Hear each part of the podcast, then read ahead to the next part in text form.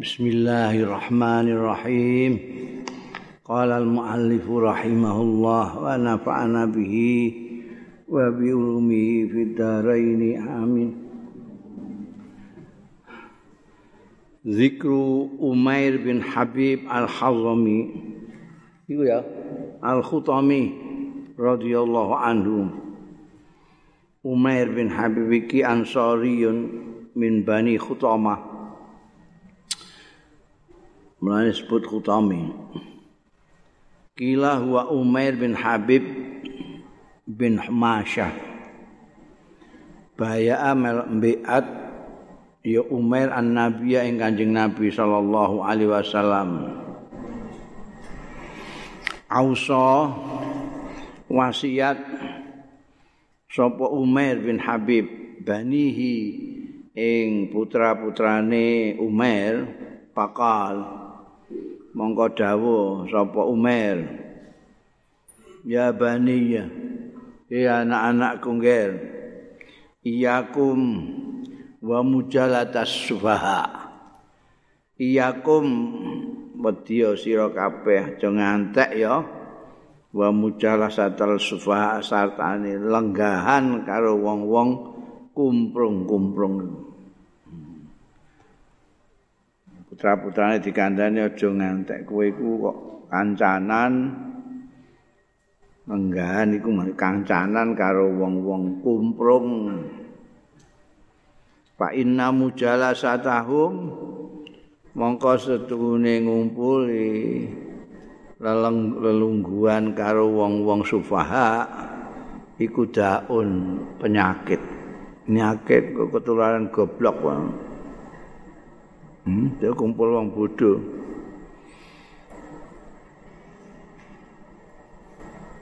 Wa innahu man yahlum. Iku wingi kae ana haluma ana halama khilman ana khalima khulman. Maknane beda-beda kabeh nek khilmun itu toko halama khilman. Itu memberi apa? Aris itu apa jenenge?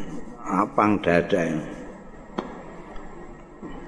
tapi nek halumu khulman impian. Apa jenenge? Impi. Sapa sing memberikan jadi uh, nek kowe disakiti, dilarakno hatimu, kowe memaafkan, kamu tidak menganggap itu sesuatu yang berarti, itu kamu namanya aris, halim.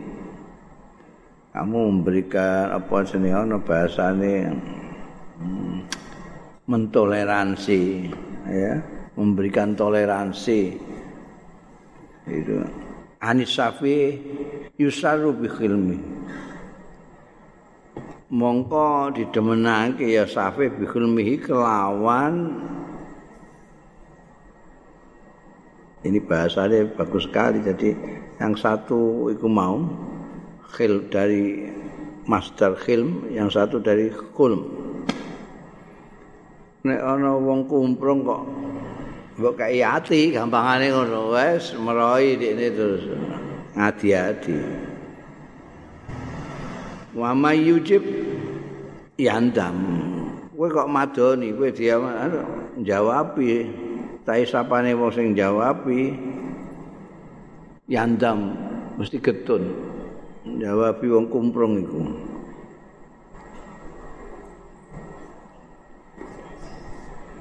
wa man la yakiru bi qalilim mayati bisafih yukiru bil kasir. Rapane wong sing ora ngakoni bi qalilin lawan setitik mas barang yakti ora ngakoni bi qalilin lawan setitik ora ngakoni ma barang yakti kang teko bi kelawan ma sapa asafihu sabih yukiru bil kasir mongko nek akan ngakoni bil kasiri kelawan sing akeh. Jadi nek kamu kok mentoleransi sedikit dari orang yang kumprung nanti mesti akhirnya kowe harus menerima terus mentoleransi banyak sekali. Karena orang kumprung tidak akan apa no safih itu. Ono ini bahasa Arab itu ono jahlun ono humkun ono safihun itu berbeda-beda. Biasanya saya tinggu ning Indonesia ini bahasa Jawa ya ana ana goblok, geblek, tolol, bintu. itu itu pirang-pirang ya. Apa itu orang mudengan kan orang yang tidak tahu tapi nggak mau belajar supaya tahu. Nek jalun itu kalau dia belajar dia bisa pintar. Sapi itu dia tidak mau belajar. Maka selawasi ya ngono kuwi. Ngono ngakokno ati. Nganti ana pepatah nek kowe kepengin nyiksa wong pinter, kumpulno mbek wong sapi. kepengin nyiksa wong pinter?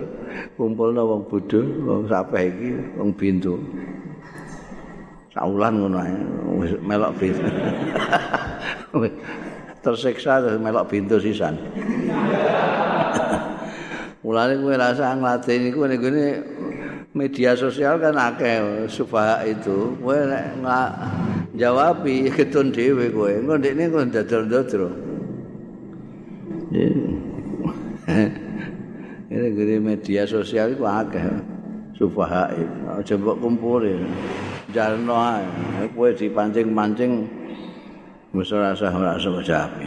Sedikit kamu ngeladeni ya nanti akan nombro-nombro. Yukiru bil kasir.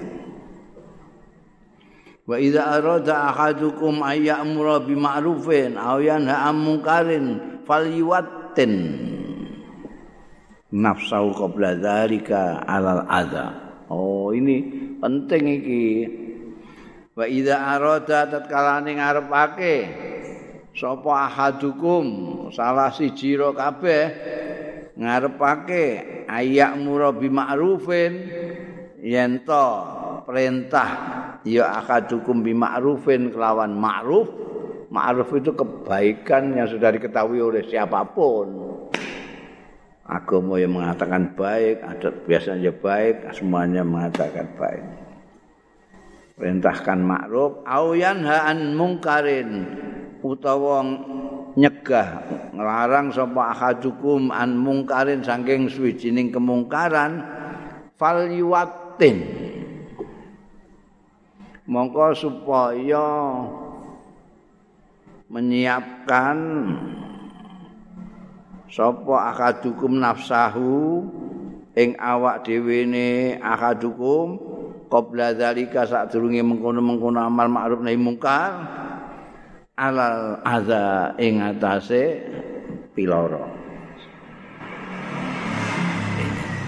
Jadi wong iku kadang-kadang sing ngertine amal ma'ruf nahi mungkar amal ma'ruf nahi mungkar tidak mendalami secara apa namanya ilmiah secara betul tentang amar ma'ruf itu apa.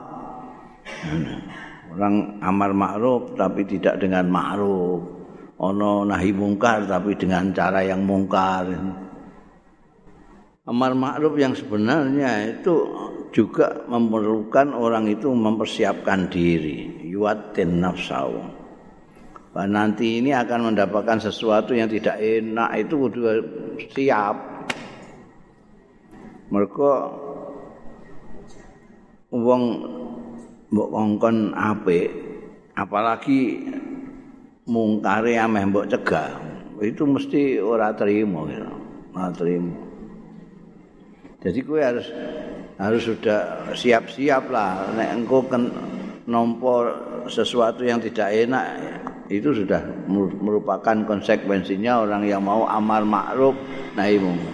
Karena amar ma'ruf nahi mungkar itu merupakan manifestasi pengejawentahan dari kasih sayang.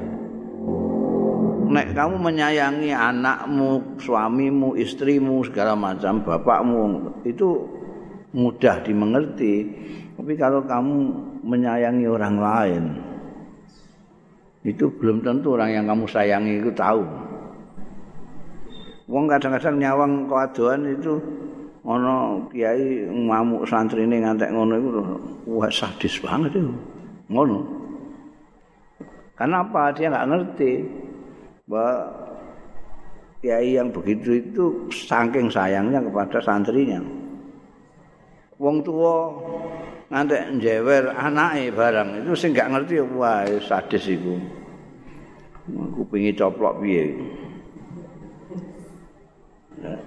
itu karena orang tuanya itu sayang sekali. Itu nahi mungkar ngantek sampai seperti itu. Nah ini untuk orang luar itu kita harus siap-siap. Engko ngomong salah tompo piye? Lho aku mrimakno sampean. Mrimakno kok ngene. Oh, mrimakno apa? Wadule. Oh, aduh, kasut ngono ngamuk-ngamuk. Iku kudu siap. Kudu nampa itu. Wis wani amar ma'ruf nahi mungkar, konsekuensinya menerima sesuatu yang tidak enak ya harus apa wajar biasa lumayan. Wal yukin bisawab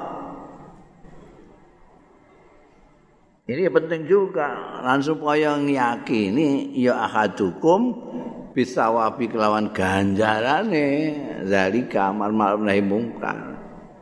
Nek ora ya gak enak kabeh. Fa inna mongko setuhune kelakuan man yukin manutai sapaning wong yukinu sing yakini ya man bisa wabi kelawan ganjaran laya jidu ora bakal nemu lan iya man masal adza ing gepoke piloro. Yang membuat seorang yang amirun nahi itu tidak merasa tersakiti itu adalah dia meyakini akan adanya pahala pahala menyayangi orang sehingga memerintahkan orang itu untuk berbuat baik mencegah orang itu berbuat mungkar.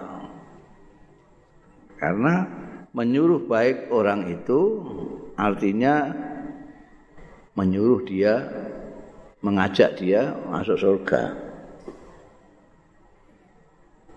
Nyegah orang supaya tidak melakukan sesuatu yang mungkar itu artinya mencegah orang itu masuk neraka. Jadi inti dari amar ma'ruf nahi mungkar itu ya kasih sayang.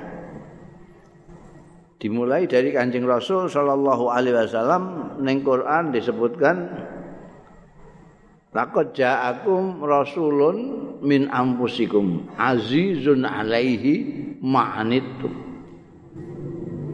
Anjing Nabi Muhammad sallallahu alaihi wasallam itu azizun alaihi ma'anitum. Tum itu kalian itu umat. Kanjeng Nabi itu tidak tahan melihat penderitaannya umat.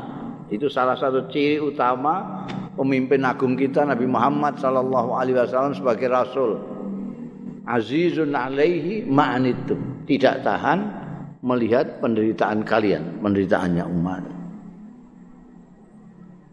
Nanti harisun penuh perhatian. Harisun alaikum. Bil mukminina raufur rahim tak terus tapi yang azizun alaihi ma'anitun. Mulanya kancing nabi itu tidak tahan melihat orang lapar yang tidak tahan. Melihat orang terzalimi ya tidak tahan. Wong ana wong melaku wae beliau naik kendaraan itu nggak tahan lihat terus kudu goncekno udah dan itu berkali-kali dalam riwayat-riwayat hadis sahih itu banyak sekali kanjeng Nabi melewati Sayyid siapa? Abu Hurairah suruh gonceng. Ketemu Sayyidatina Asma bin Abi Bakrin. Gonceng. Karena nggak tahan Wah wong lesu, wah sering kali Kanjeng Nabi ku tanggane wong lesu kabeh. Ahli sufah iku lesunan iku. Abu apa? Abu Hurairah CS itu orang-orang enggak duwe, enggak di omah enggak duwe. Makanya tergantung Kanjeng Nabi. Kanjeng Nabi nyawang ya, terus langsung golekno makan enggak kuat. Itu hanya mau penderitaan dunia, lesu, capek, kesel, segala macam itu penderitaan dunia. Yang penderitaan akhirat ya tambah. Kalau melihat orang lesu aja kanjeng Nabi nggak tahan, apalagi melihat orang geraji ndase ini gini neraka. Karena itu kanjeng Nabi intens sekali. Amal ma'ruf nahi mungkar amal ma'ruf nahi mungkar. Jangan sampai ada umatnya yang nyeleweng ke neraka. Karena beliau tidak akan tahan. Tidak akan tahan. Ning dunia gak tahanan ning kono bayang notok umatnya nanti dibakar api neraka tidak kuat. Karena itu Imam Busiri menyebutnya sebagai Nabi Yuna al-amirun nahi. Itu sama dengan kita mengatakan Nabi Yuna Nabi Rahmah. Nabi kita adalah Nabi Rahmat. Karena itu amal ma'ruf nahi mungkar. Orang yang tidak sayang tidak akan amal ma'ruf nahi mungkar. Eh? Mulane biyen aku wani nulis ning media bahwa saya itu lebih menyayangi Pak Harto daripada Harmoko. Pada Harmoko itu biar stek petunjuk Bapak Harto mesti ngono petunjuk petunjuk terus saya. Tapi dia tega membiarkan Pak Harto yang sudah apa namanya mau kejegur jurang. Itu saya ngomong iya silakan terus pak terus rakyat mendukung bapak semua. Kejegur tenang. Aku kan ngandani ini sebaiknya Pak Harto saat ini pindah mawon jadi ketua MPR mungkin sakit milih presiden barang malah. Ampun jemal pun sepuh. Tulisanku enak ini jawab kosong berarti aku saya merimakno timbangane Harmoko malah. Akhirnya di dhewe nanti sing nyopot kan. Ini ketua MPR. Ya. Jadi amar ma'ruf nahi mungkar itu hanya bisa dilakukan oleh orang yang penyayang, penyayang. Bukan landasannya kebencian, kebencian bukan amar ma'ruf nahi mungkar. Ngamuk itu, ngamuk foto. Ada perbedaan antara nafsu dengan ghirah. Keberagaman.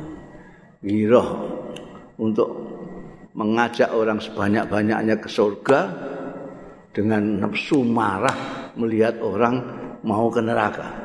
Beda. Ana mau gregeten eh iku kok marane neraka. Bajirut lho kok mbok bajir bajir ajak ke surga dong kamu kan ngerti jalan ini swarga. Kandani sing apik. Kok pecicilan? Dia tambah melayu deh ini. Lu ngejak si pecicilan. Ngejak itu ya kayak calo terminal itu eh? Calo terminal itu itu kan wah bagus. Dai-dai itu mestinya kudu sering neng terminal. Supaya dia tahu cara mengajak yang baik itu. Calo-calo itu. Ayo silakan. Ayo. Bisa anyar. Wah, supire pengalaman 30 tahun. Full AC. Ono karaoke ne. Wah, saiki malah ono wifi ne. Wah, wong tertarik. Nek disendal ngono ae. Jongkrok-jongkrokno kan mlebu bis Mau. itu bedanya antara dakwah sama amal ma'ruf. Jadi dakwah itu seperti calo. Pun es munggah bis, pakai amal ma'ruf. Ayo bayar karcis bayar, bayar. Ora usah. Menawi renon penggalih laturi tumbas karcis. Hmm. Ora usah ngono, iku iku rak dakwah ning iso. Iki wis amal ma'ruf karena mereka sudah sudah naik bis. Bismillah. Makanya redaksi ini kan utu ila sabili rabbika bil hikmati wal mau'izatil hasanah. Engko nek wis fi sabili rabbika kaya awakmu amal makruf nahi mungkar. Nek ora wajo amal makruf gak ngerti sing jenenge makruf iku apa. nahi mungkar gak ngerti apa wae sing nam mungkar kuwi dilakukan tidak dengan landasan kasih sayang Lalu saya berkali-kali menyontohkan itu ono bocah penekan ini bolak-balik kita cerita noning dinding ada bosen wong ini bocah cilik penekan itu beberapa orang berbeda-beda sikapnya melihat anak Iki udan-udan kok ana bocah penekan. Iku nek wong liwat ora lapo-lapo ya ngomong batin tok. Iki anake sapa? Dan-udan penekan. Ceblok mecetet ngono. Wis ngono ae, dene ora kenal ora apa. Tapi nek tanggane itu tidak mungkin mau diras dirasani dalam batin kan tidak mungkin. wong tak ndek kenal. Paling ora ndek muni, "Lho, no." Dan sak penan, kandakno bapakmu ngono mesti. Tanggane. Lah nek bapak iki malah ketok wajembang. Lho, no. Ambil, mulu mencicil. Ayo ambil juga. Boleh gak mudun? Hei, buanter. Suaranya buanter. Padahal cedak. mulane buat. Eh, mbok eno. Iku ora trimo gembok. Warane sikile dicekel. Eh, mudun yo, mudun yo. Kenapa? Karena mbok itu paling sayang sama anak. Jadi dia tidak terima mbak cangkem. Sak dicekel sikile. Ayo mudun. Yang sayang kepada anak berikutnya adalah bapak. baru tangga wong liya ora urusan jadi man ra'a minkum mungkaran fal yughayyirhu biadi ini paling sayang ini mbok sing iso melakukan itu Pak ilam yastati wa bilisani yang cangkem.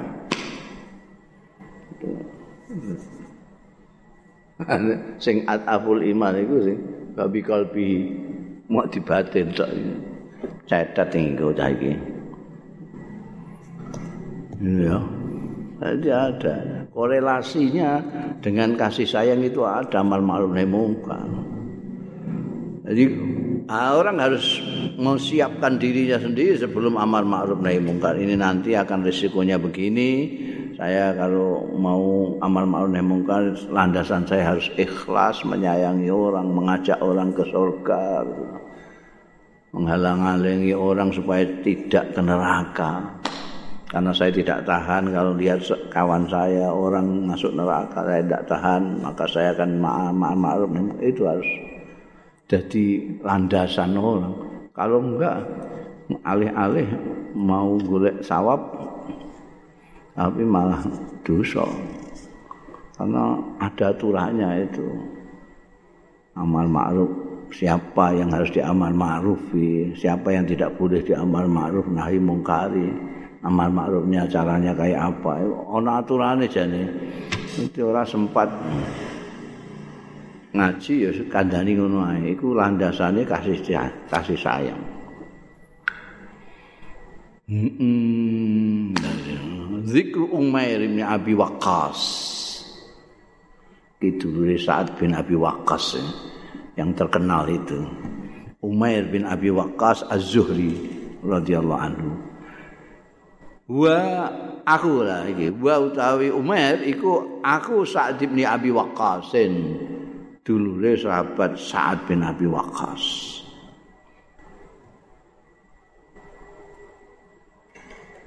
Muhajiri awali. Jadi seorang muhajir yang ikut hijrah dan pertama. Ustus hida ma'a Rasulillah bi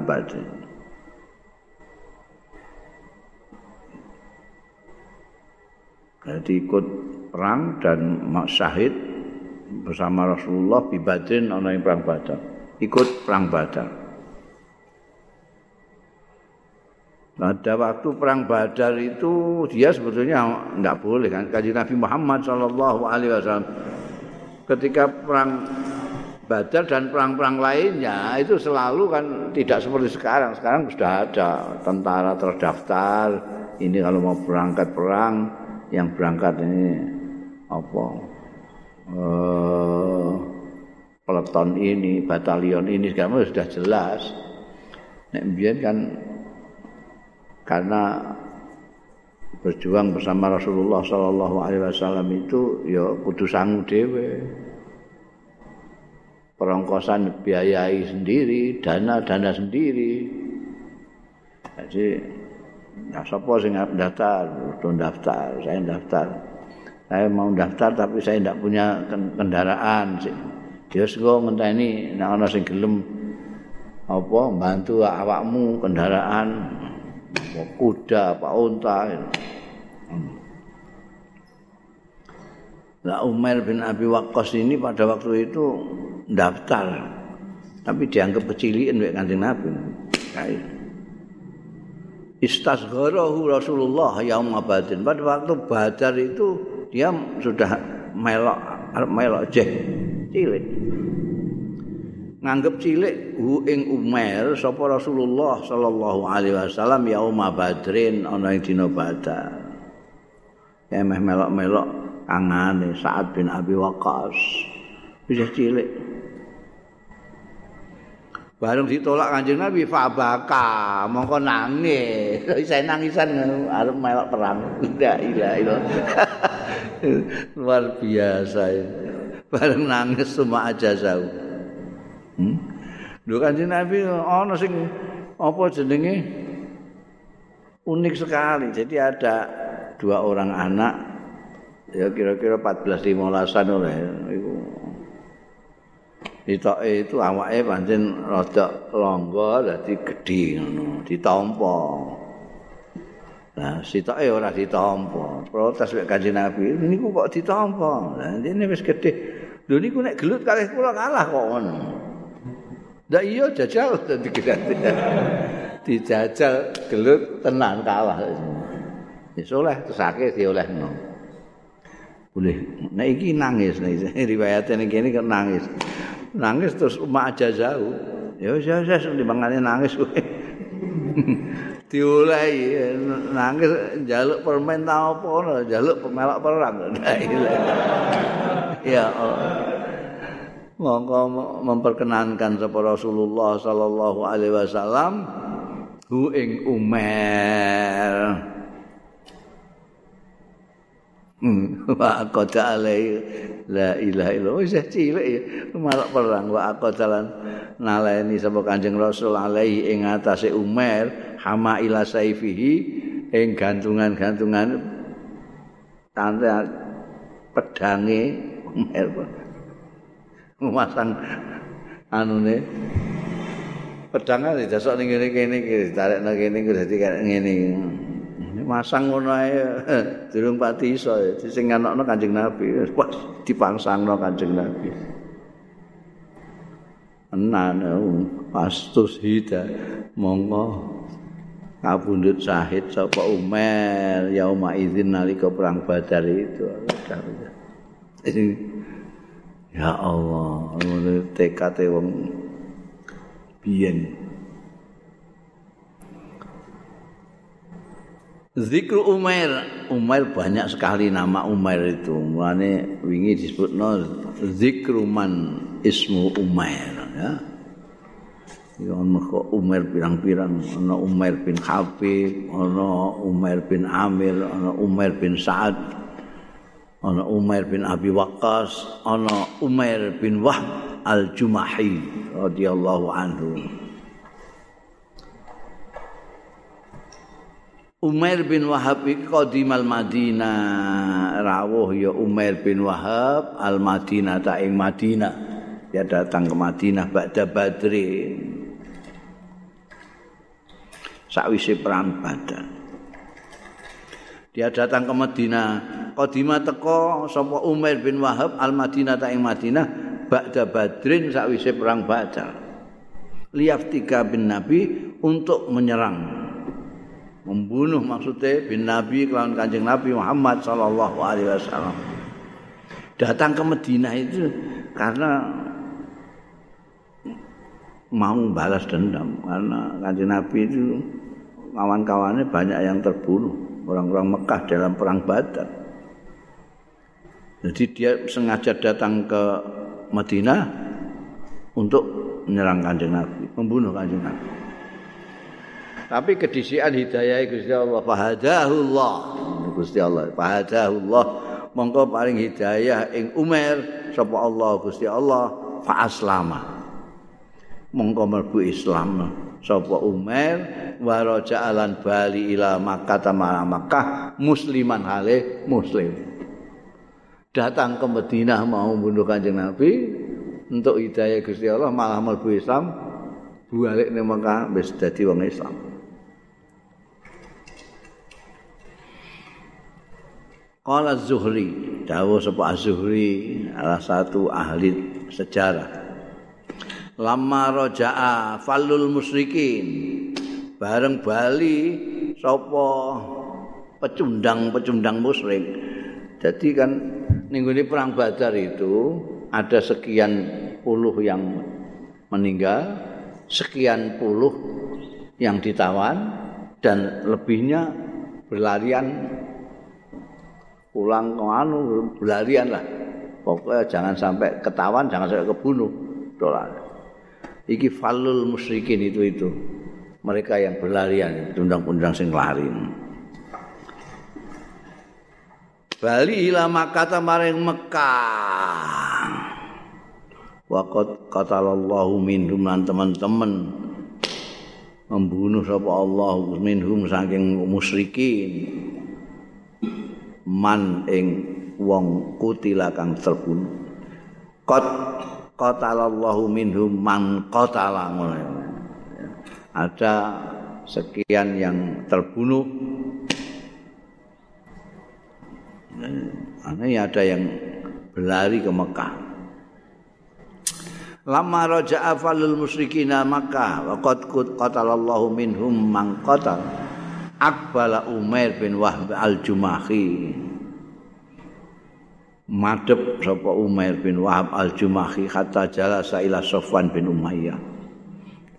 Bareng tekan Mekah do mlayu tekan Mekah itu Umair ini nemoni Sofwan bin Umayyah. Sofwan bin Umayyah termasuk tokoh Mekah. Iku selevel Abu Sufyan, Abu Jahal, Umayyah bin Khalaf. Iki Sofwan bin Umayyah. Ini mengoro niku ini Sofwan bin Umayyah Al-Jumahi juga. Fil Hijri dalam Hijir. Hijir itu Ka'bah itu yang pesaki ada pelengkung sini nih. Itu hijir. Orang mengatakan hijir Ismail. Ini masuk Ka'bah sebetulnya di luar. Jadi nek tawaf ya kudu ora kena mlebu rene tapi rene. Di hijir hmm, di situ Kanjeng Nabi sarean biyen iku ning kono iku. Ini apa Sofwan bin Umayyah iku linggian ya ning kono iku. Itu ditemoni karo Umair bin Wahab. Faqala mongko ngucap sapa Sofwan bin Umayyah. Qabbahallahu al-aish teman-teman men ngelekake sapa Allah al aisa urip urip kok eleke ngene. Gusti Allah gawe urip kok kaya ngene eleke. Qabbahallahu al ais ba'da qatla badrin sakwise korban-korban badar udah sekian banyaknya yang ditawan yang mati sekian banyak.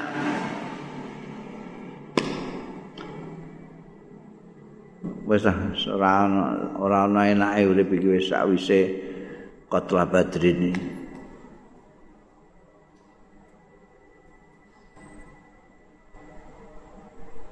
Fakola mongko ngucap sapa Umair bin Wahab mendengar Sofwan bin Umayyah mengatakan begitu itu Umar terus komentar ajal iya wallahi demi Allah ma fil aisy khairun ba'dahum. Wis ora ana kehidupan. Wa ma fil aisy ora ana ing dalam kehidupan khairun utawi kebagusan ba'dahum sakwise qatla badri setelah mereka pada meninggal Abu Jahal CS itu Abu Jahal Umayyah bin Khalaf orang-orang tokoh-tokoh eh Utbah bin Rabi'ah. Wah, tokoh gede-gede. Jadi ketika Sofwan bin Umayyah mengatakan qabahallahul ais ba'da qatra badrin itu ngiyani um. Iya, demi Allah. Nes orang nabi dalam kehidupan ini setelah tidak ada mereka. Walau dainun alayya. La ajidu qadha. kok lamuna ora ana utang alaya atas ingsun? La ajidu kang ora nemu sapa ingsun qadahu ing bayari utang? Kok umpamane aku ora duwe utang sing gak kuat bayar ana utang gak kuat bayar wa iyalun lan bocah-bocah rumatan la lahum sayan sing ora iso ngrumati sapa ingsun lahum marang iyal saean ing apa-apa. Keumpamane aku gak ndek utang sing semono akeh ngantek gak kuat bayar umpamane gak ana bocah cilik sing kudu tak rumati kan. La kharajtu yakti metu sapa ingsun ila Muhammadin marang Muhammad pakotal tuhu mongko mateni sapa ingsun ing Muhammad. In malat aini minhu. Amun ngebaki aine ing mripat ingsun minhu saing Muhammad fa innali indahu illatun aqtalubi fa innali mangstune li kedue ingsun indahu ana sandingi Muhammad. Illatan ana alasan aqtalubi sing memberi alasan sapa ingsun biya kelawan illah. Aku lu aku meh muni. Qadim tuh teka sapa ingsun fifidai ibni ing dalem nebusi anakku.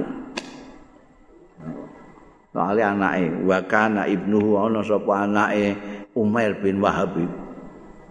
Iku asiran salah satu tawanan Fafarika sopan wah eneng jadi Umair itu itu kok seandainya Saya tidak punya utang banyak yang tidak bisa bayar saya. Gak dia anak saya kudu tak rumah di. Aku harus marani Muhammad orang. Eh, sing marakno wong-wong Mekah do mati. Enggak paranan.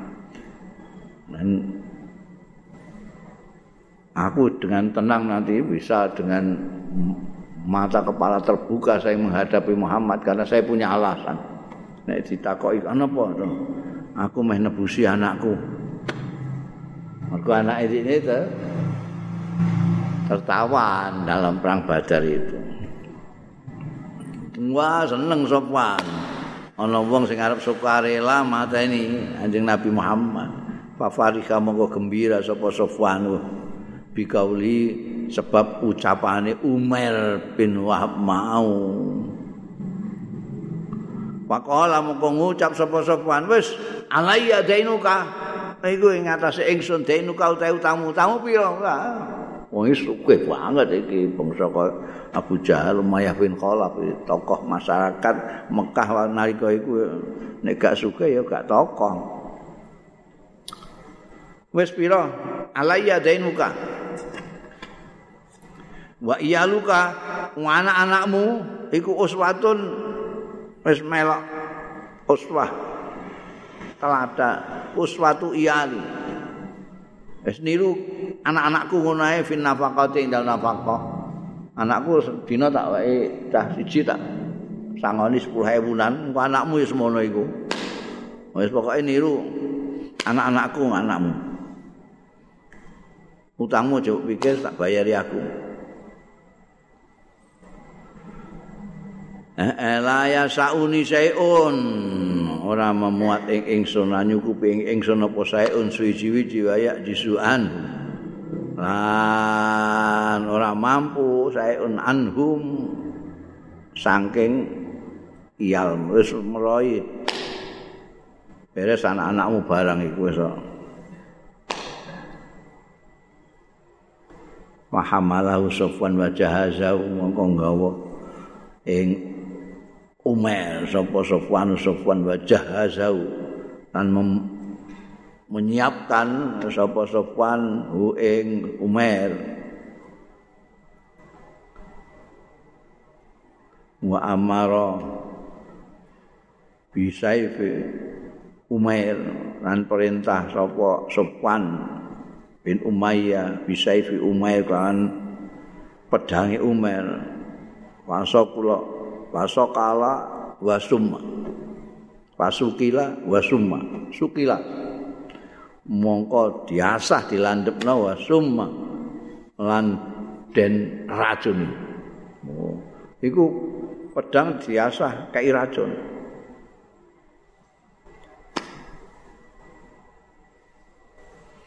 Makola Umair mongko ngucap sapa Umair li Sofwan marang Sofwan. Uktum ni ayaman. Ni demo sira ing ingsun ayaman beberapa hari. Raja kondo-kondo sik beberapa hari. Wa akbala Umair. Mongko madhep sapa Umair Umair hatta qadima sehingga teko ya Umair al Madinah ta ing Madinah. Panazala mongko mudhun sapa Umair babal masjid ing bab ing lawang Masjid Nabawi. Wa aqalalan nyancang sapa Umar rakhila tau ing kendaraane ontane Umar. Wa akhazalan jupuk sapa Umar asaifa ing pedange mau sing wis diasah wis dikeki racun mau. Ahmad bi Rasulillah mongko nejo sapa Umar bi Rasulillah kelawan Kanjeng Rasul sallallahu alaihi wasallam. Panadzara ilai mongko ningali ilaihi marang Umar sapa Umar bin Khattab. Abad Umar bin Khattab roh. Bu, Umar itu. Wa huwa khalil utai sahabat Umar bin Khattab fi nafarin ing dalam beberapa orang. Minal ansori sange ansar lagi ya tahaddasuna lagi berbicara. Lagi omong-omong ya nafar embek sahabat Umar an waqati badrin saking pertempuran badar lagi bakas pertempuran badar. Wah dasar ning iku ngono cerita wah aku ngono sing arep tak wantem durung apa-apa sirahe wis glundung wah ngobrol-ngobrol mbek kali-kali mlebu kabar Umar roh. Ana Umar bin Wahab mlebu. Wayat kuruna nikmat Allah lan lagi do nutur-nutur ya. Sahabat Umar mbek Nafarun minal ansar iki mau nikmat Allahi ing nikmate anugerah Gusti Allah fiha ing dalam waqatu badrin.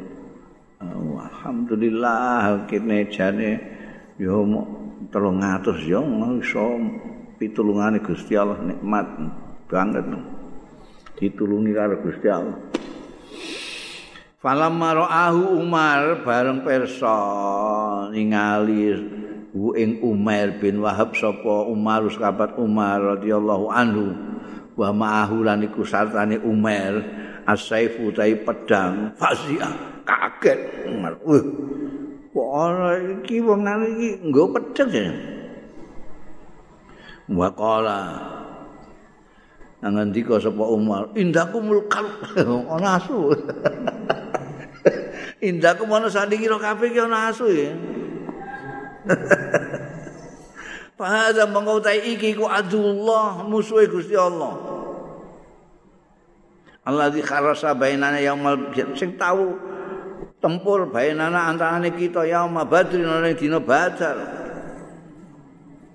Wa khazalna lil kaum lan apa nyerbu ngejar kita lil kaumi marang kaum. Iki pelarian kok badar iki wong iki nggo pedang rene iki apa Sumakong mamako keri-keri jumeneng sapa Umar sahabat Umar radhiyallahu anhu fadakhala monggo mlebet ya sahabat Umar ala Rasulillah ing atase Kanjeng Rasul sallallahu alaihi wasallam.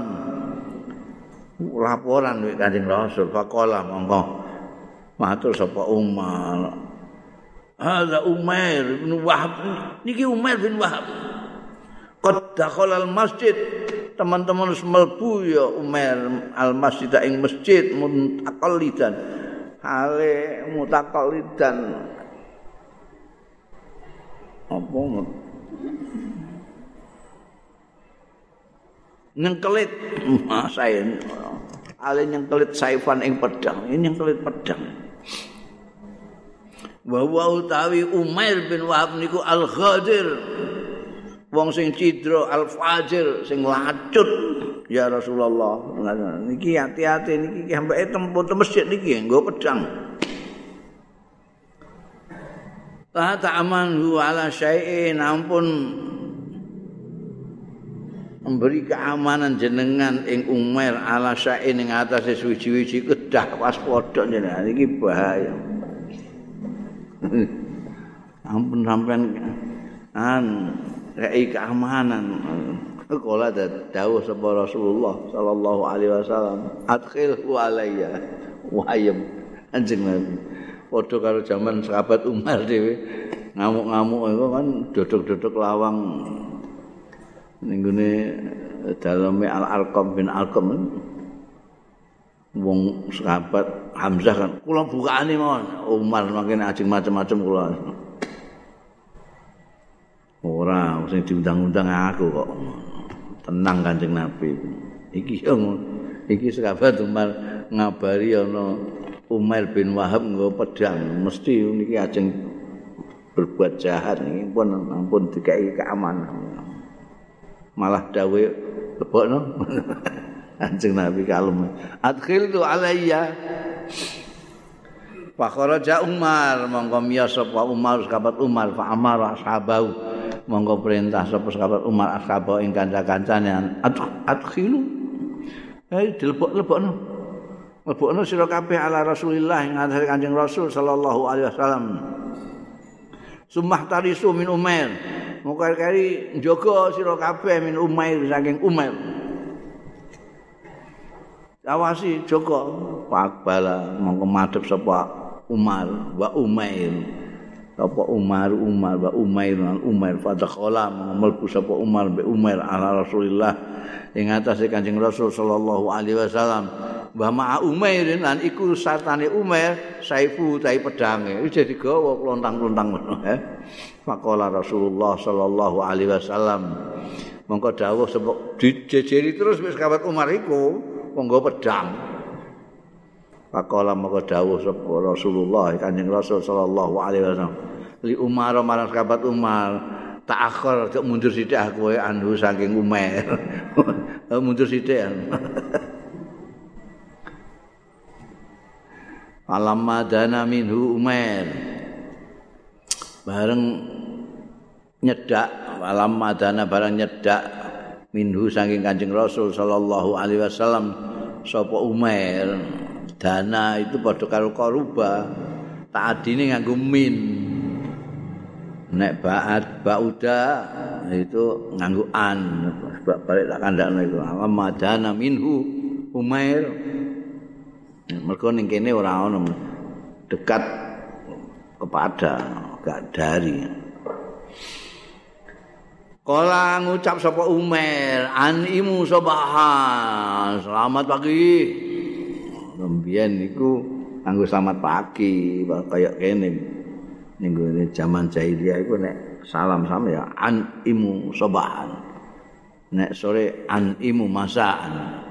Ya, iku maknane selamat pagi, nek animu masaan selamat sore. Nek wonge mok siji ya anim sabahan anim masaan saya niki wonge akeh ya mengatakan anim sabahan wa wa utai ucapane Umar anim sabahan iku tahiyatu ahli jahiliyah. Iku tahiyate penghormatane ahli jahiliyah. Ini selamat pagi ibadah kan jahiliyah. Faqala mergo wis ana sing luwih apik assalamualaikum warahmatullahi wabarakatuh iku. Faqala Rasulullah mau dawuh sapa Kanjeng Rasul sallallahu alaihi wasallam. Qad akramana teman-teman wis mulyakno ing kita sapa Allah Gusti Allah antahiyatika saking tahiyatira penghormatanira wa ja'alan dadekake sapa Allah tahiyatana ing penghormatan kita tahiyata ahlul jannah. Ing tahiyate ahli swarga. Ahli swarga nanti itu sudah diberikan oleh Allah untuk tahiyah kita sekarang ini. Sudah digantikan. Kita tidak mengatakan amu sobahan lagi tetapi kita sudah diberi kehormatan oleh Allah tahiyatnya ahli jannah. Wahya assalam Assalamualaikum warahmatullahi wabarakatuh. Kedamaian. Ya itu gak ada salam seperti salam ini salam yang ahli swarga. Salam yang Islam itu ngemu doa yang mencakup seluruhnya. Assalam itu kedamaian. Ar-Rahmah itu kasih sayang. Al-Barokah itu berkah. Nek orang menyadari orang Islam itu mulane kanjeng Nabi ufsus salam. Kongkon nyebar-nyebar salam kalau ketemu orang salam salam. Kenapa? Karena begitu orang salam itu ndongakno saudaranya itu supaya hidupnya damai tidak ricuh tidak mumet damai penuh kasih sayang berkah menjawabi kono Waalaikumsalam warahmatullahi wabarakatuh juga. Jadi masing-masing wong kene ndongakno apik, bak kene ndongakno apik, dadi apik kabeh. Awal saiki terus ora. Assalamualaikum. Waalaikumsalam.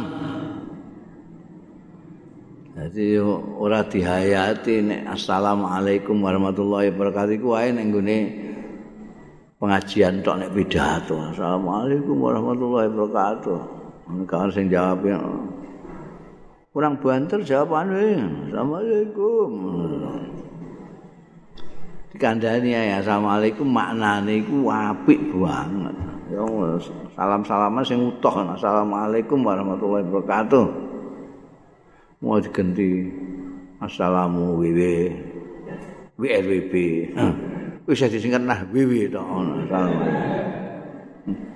eh. Ana sing pidato yang ngono assalamualaikum WLWB BPK BPK SDR SDR mulai kok muni ngono kok nglanjutno sithik ngono kok emoh itu donga iku lengkap warane salam iku. Salame wong swarga. Dadi latihan. Latihan kok nang swarga iku ora kacelen ngono lho. Wis biasa ngucapna tahiyat assalam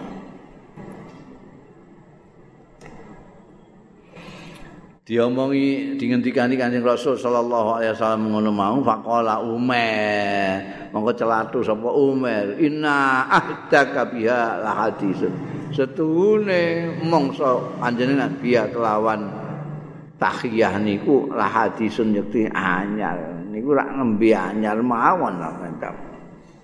Sak ploke jenengan dadi putusane Gusti Faqala Rasulullah maka dawuh sapa Kanjeng Rasul sallallahu alaihi wasallam, "Qad abdalanallahu biha." Teman-teman wis ngijoli ngenteni ing kita sapa Allah biya kelawan tahiyah mau digenteni khairan minha ingkang luwih bagus minha saking tahiyatmu mau. Pama agdamaka ya Umar. Mongko iku apa? Agdamaka sing nekakno ndadekno teko ya ma ing sira ya Umar. Kowe kok rene iki ana apa? Apa yang mendorongmu datang kemari? Kala jawab sapa Umar qadim tu fi asiri indakum.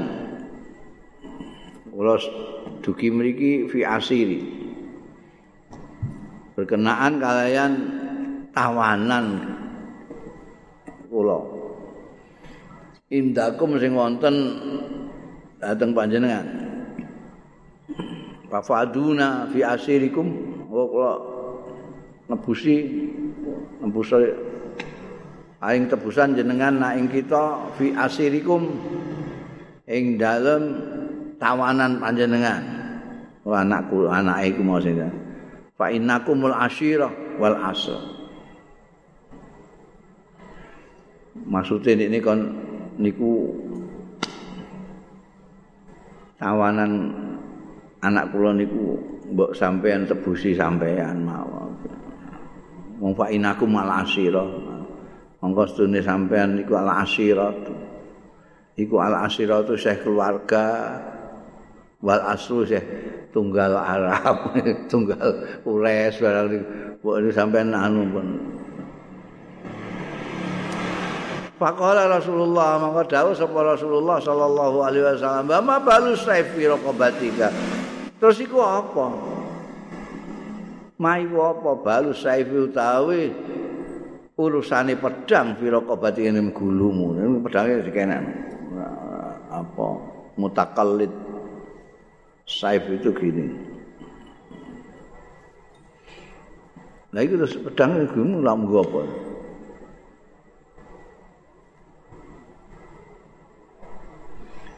Kala Umar jawab sapa Umar qabahullah muga-muga ngelekake ing pedang iki sapa Allah Gusti Allah. Wa qabah min suyufin nyatane pedang-pedang.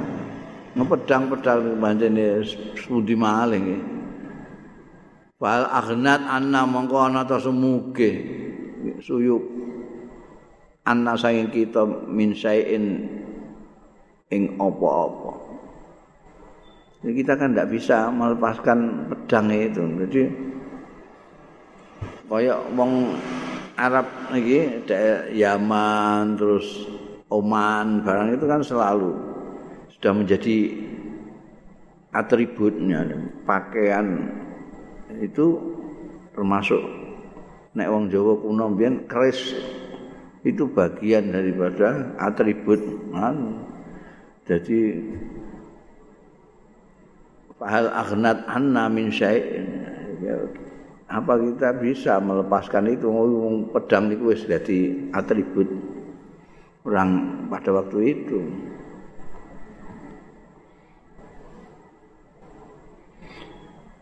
Innama nasitu fi raqabati hina nazaltu. Lah kok mbok gogo apa ngono. Mbok rene barang. Innama nasitu angin pestine eh lali nglalekno sapa ingsun ing saif fi raqabati ing dalem gulu kula. Hina nazaltu nalikane mudun kula. Kula mudun kendaraan kok lali kok tak gawa. Alasane wala umri innali sahman ghairu wala umri demi umur kula. Innali sedune iku keduwe ingsun la sahman yakti ana bagian ghairu liyane sae. Pakola Rasulullah mongko dawuh sapa Rasulullah sallallahu alaihi wasallam usdukni ma abdamak jujur wae kowe ngomong sing temen bener ing ingsun. Ngomong bener sira ing ingsun. Ma abdamak saya apa iku abdamaka ing marakno ya ma marakno teko ma ing sira. Apa yang membuat kamu datang sini apa? Yang jujur. Kala jawab sapa Umair. Qadim tu fi asiri. Kula dugi fi asiri. Nggih kangge tawanan kula sing ajeng kula Kanjeng Nabi dawuh kala dawuh sapa Kanjeng Rasul sallallahu alaihi wasallam famal ladzi saratta li Safwan bin Umayyah fil Hijri. Oh, si cetok ngene cengklok ngono ae. Monggo iku apa? Alladzi syaratta sing nyaratno sira li Safwan bin Umayyah marang Sufyan bin Umayyah fil Hijri. Iku ne Hijri Ismail kowe glenak-glenik ambekan Safwan bin Umayyah. Kowe nyaratno apa? Eh, kon bayar utangmu. Fafazi Umar kaget sapa Umair Umar. Wa qala ma salatu la sayan. Loh. Mboten nyaratake kula lahu marang Sufwan bin Umayyah sayan ing napa-napa. Kula mboten eh, kaget tapi terus bodoni saya. Kula mboten nyaratake napa-napa kok. Kala dawuh Kanjeng Nabi. Tahammal talahu biqatli ala ayaula. Eh? Kowe kan memberikan beban lahu marang Sofwan biqatli pak mateni ingsun ala ayaula. Ngatasé yen to eh ngopeni napa Sofwan baitaka ing rumah tanggamu wayakti lan bayari ya Sofwan bin Umayyah dainaka ing utangmu ngono. Wallahu khailun bainika wa baina dzalika ta Gusti Allah itu ngalang-alang antara sira wa baina dzalika lan antarane mengkono-mengkono mau. Wes. Kalau Umar kala terus matur sapa Umair Umar asyhadu annaka Rasulullah. Kula nyekseni anak asune panjenengan iku Rasulullah utusane Gusti Allah wa asyhadu alla ilaha illallah diwalik sadate. Mergo dene saking kagum ini wong loro tok ning ngene kijil kok Kanjeng Nabi kok pirsa. Detail sekali Kanjeng Nabi. Mulane itu sadate dhisikno asyhadu annaka Rasulullah lake wa asyhadu alla ilaha illallah. kunna ya Rasulullah nukadzibuka bil wahyi kuna ana sapa kita? Ya Rasulullah do Kanjeng Rasul kuno kadzibuka ngorohake kita ing panjenengan bil wahyi kelawan wontene wahyu. Jenengan ngendika pikantuk wahyu kula mboten ngandel. Lah wa bima yati kaminas sama lan kelawan barang kang nekani ing panjenengan minas sama saking langit. Jenengan ngendika nek wonten kisian saking langit kula mboten ngandel wa inna hadzal hadis. Lan setune niki pembicaraan. Niku kana ana ya hadzal hadis. Baini antarane kula wa bain Sofwan wa bain Sofwan lan antarane Sofwan bin Umayyah fil Hijri. Hijri kok semono tok iki kluwengan iki. Lam yattali alaihi ahadun ghairi. Mboten ngertos alaihi ing atase niku. Napa pembicaraan hadzal hadis sapa akadun wong suwiji ghairi liyane kula wa ghairi lan liyane Sofwan. Niku mboten omongan niku mok kula kalian Sofwan bin Umayyah tak sing ngerti. Wong tengene hijir niku fa akhbarakallah monggo ngabari ing panjenengan sapa Allah Gusti Allah bihi kelawan hadzal hadis amantu monggo iman kula billahi kelawan Gusti Allah wa rasuli lan utusane Gusti Allah. Walhamdulillahilladzi saqani hadzal masak Alhamdulillah kaya puji kagungane Gusti Allah alladzi saqani sing pun giring ya ladzi ing kula hadal masak ing niki pengiringan kok dipeto mriki dengan tujuan mejahi jenengan banyak asli ini Masya Allah fafarikal muslimun monggo gembira sapa wong Islam. Kina hadahullah nalikane hidayahi ing Umar sapa Allah Gusti Allah. Paringi hidayah kok. Mak klestik ngono wae. Wa qala umaran dawuh sapa sahabat Umar radhiyallahu anhu walladzi nafsi biyadi demi zat kang nafsi utawa awak ingsun biyadi ana ing astane lati lahin zirun kana habu ilayya biyen niku lahin zirun jadi celeng. Biabi. Kana ana iya khinzir iku ahabba luweh didemeni laya maring ingsun min umer timbangane umer kina tolaan alikan begitu Umar ketok itu aku benci ku mbek Umar ngungkul celeng. Aku luwih becik nyawang celeng timbangane nyawang Umar nalika muncul pertama kali wala huwa. Lanyek ni huwa ya Umar al yauma saiki iki. Iku ahabbu luwih didemeni laya maring ingsun. Min ba'di bani tinimbangane sementara anak-anakku. Anak-anakku di Faqala Rasulullah sallallahu alaihi wasallam. Mongko dawuh sapa Kanjeng Rasul sallallahu alaihi wasallam. Ijlis ya Umar nuasika ini lenggah ya Umar nuasika menehi hiburan sapa ingsun ka ing sira.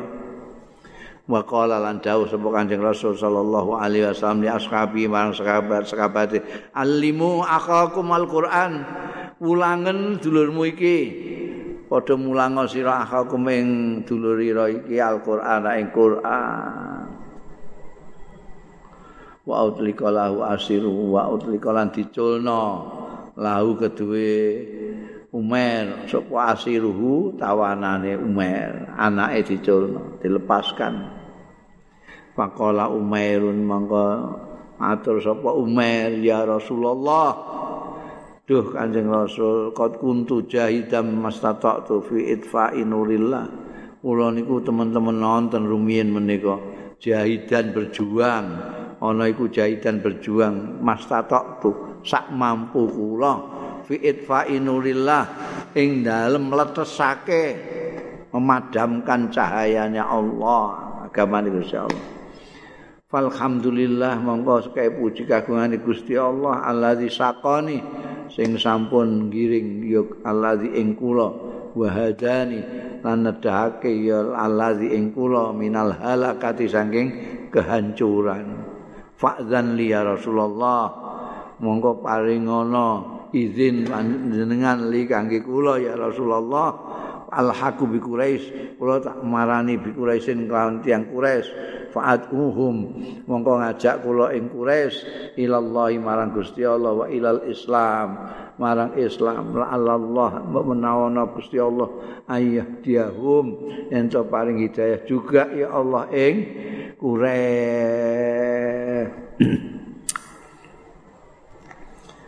wa yastangkidahum lan nyelametake sapa Allah ing Quraisy minal halakit minal halaka saking kerusakan. Fa'adzina moko ngidini lahu marang Umair sapa Rasulullah Kanjeng Rasul sallallahu alaihi wasallam. Falahika mongko tuti nututi metuki sapa Umair bima kan Mekah wa ja'ala Sofwan yaqul li Quraisyin wa ja'alan tumandang sapa Sofwan Sofwan Yakul ngerti Umar teko. Sofwan wis gembira Yakul li Quraisyin ngucap ya Sofwan li Quraisyin maring Quraisy fi majalisi ing dalem majelis majlis wong Quraisy. Absiru. Eh bunga sira kabeh kabar gembira bifathin lawan kemenangan yunsikum sing iso nglalekake ya fath kum ing sira kabeh waqt badrin ing peristiwa pada iki kepiye iki yo iki ada kemenangan yang akan membuat kalian semua lupa terhadap waktu badrin yang menyakitkan itu. Berarti ini Umar teko bal mata ini kanjeng Nabi dianggap kemenangan. Eh, ah, ada kabar gembira ini. Wah, melalui kalian semua akan lupa perang Badar. Wa ja'alan tumandang dadi sapa-sopan yasalu.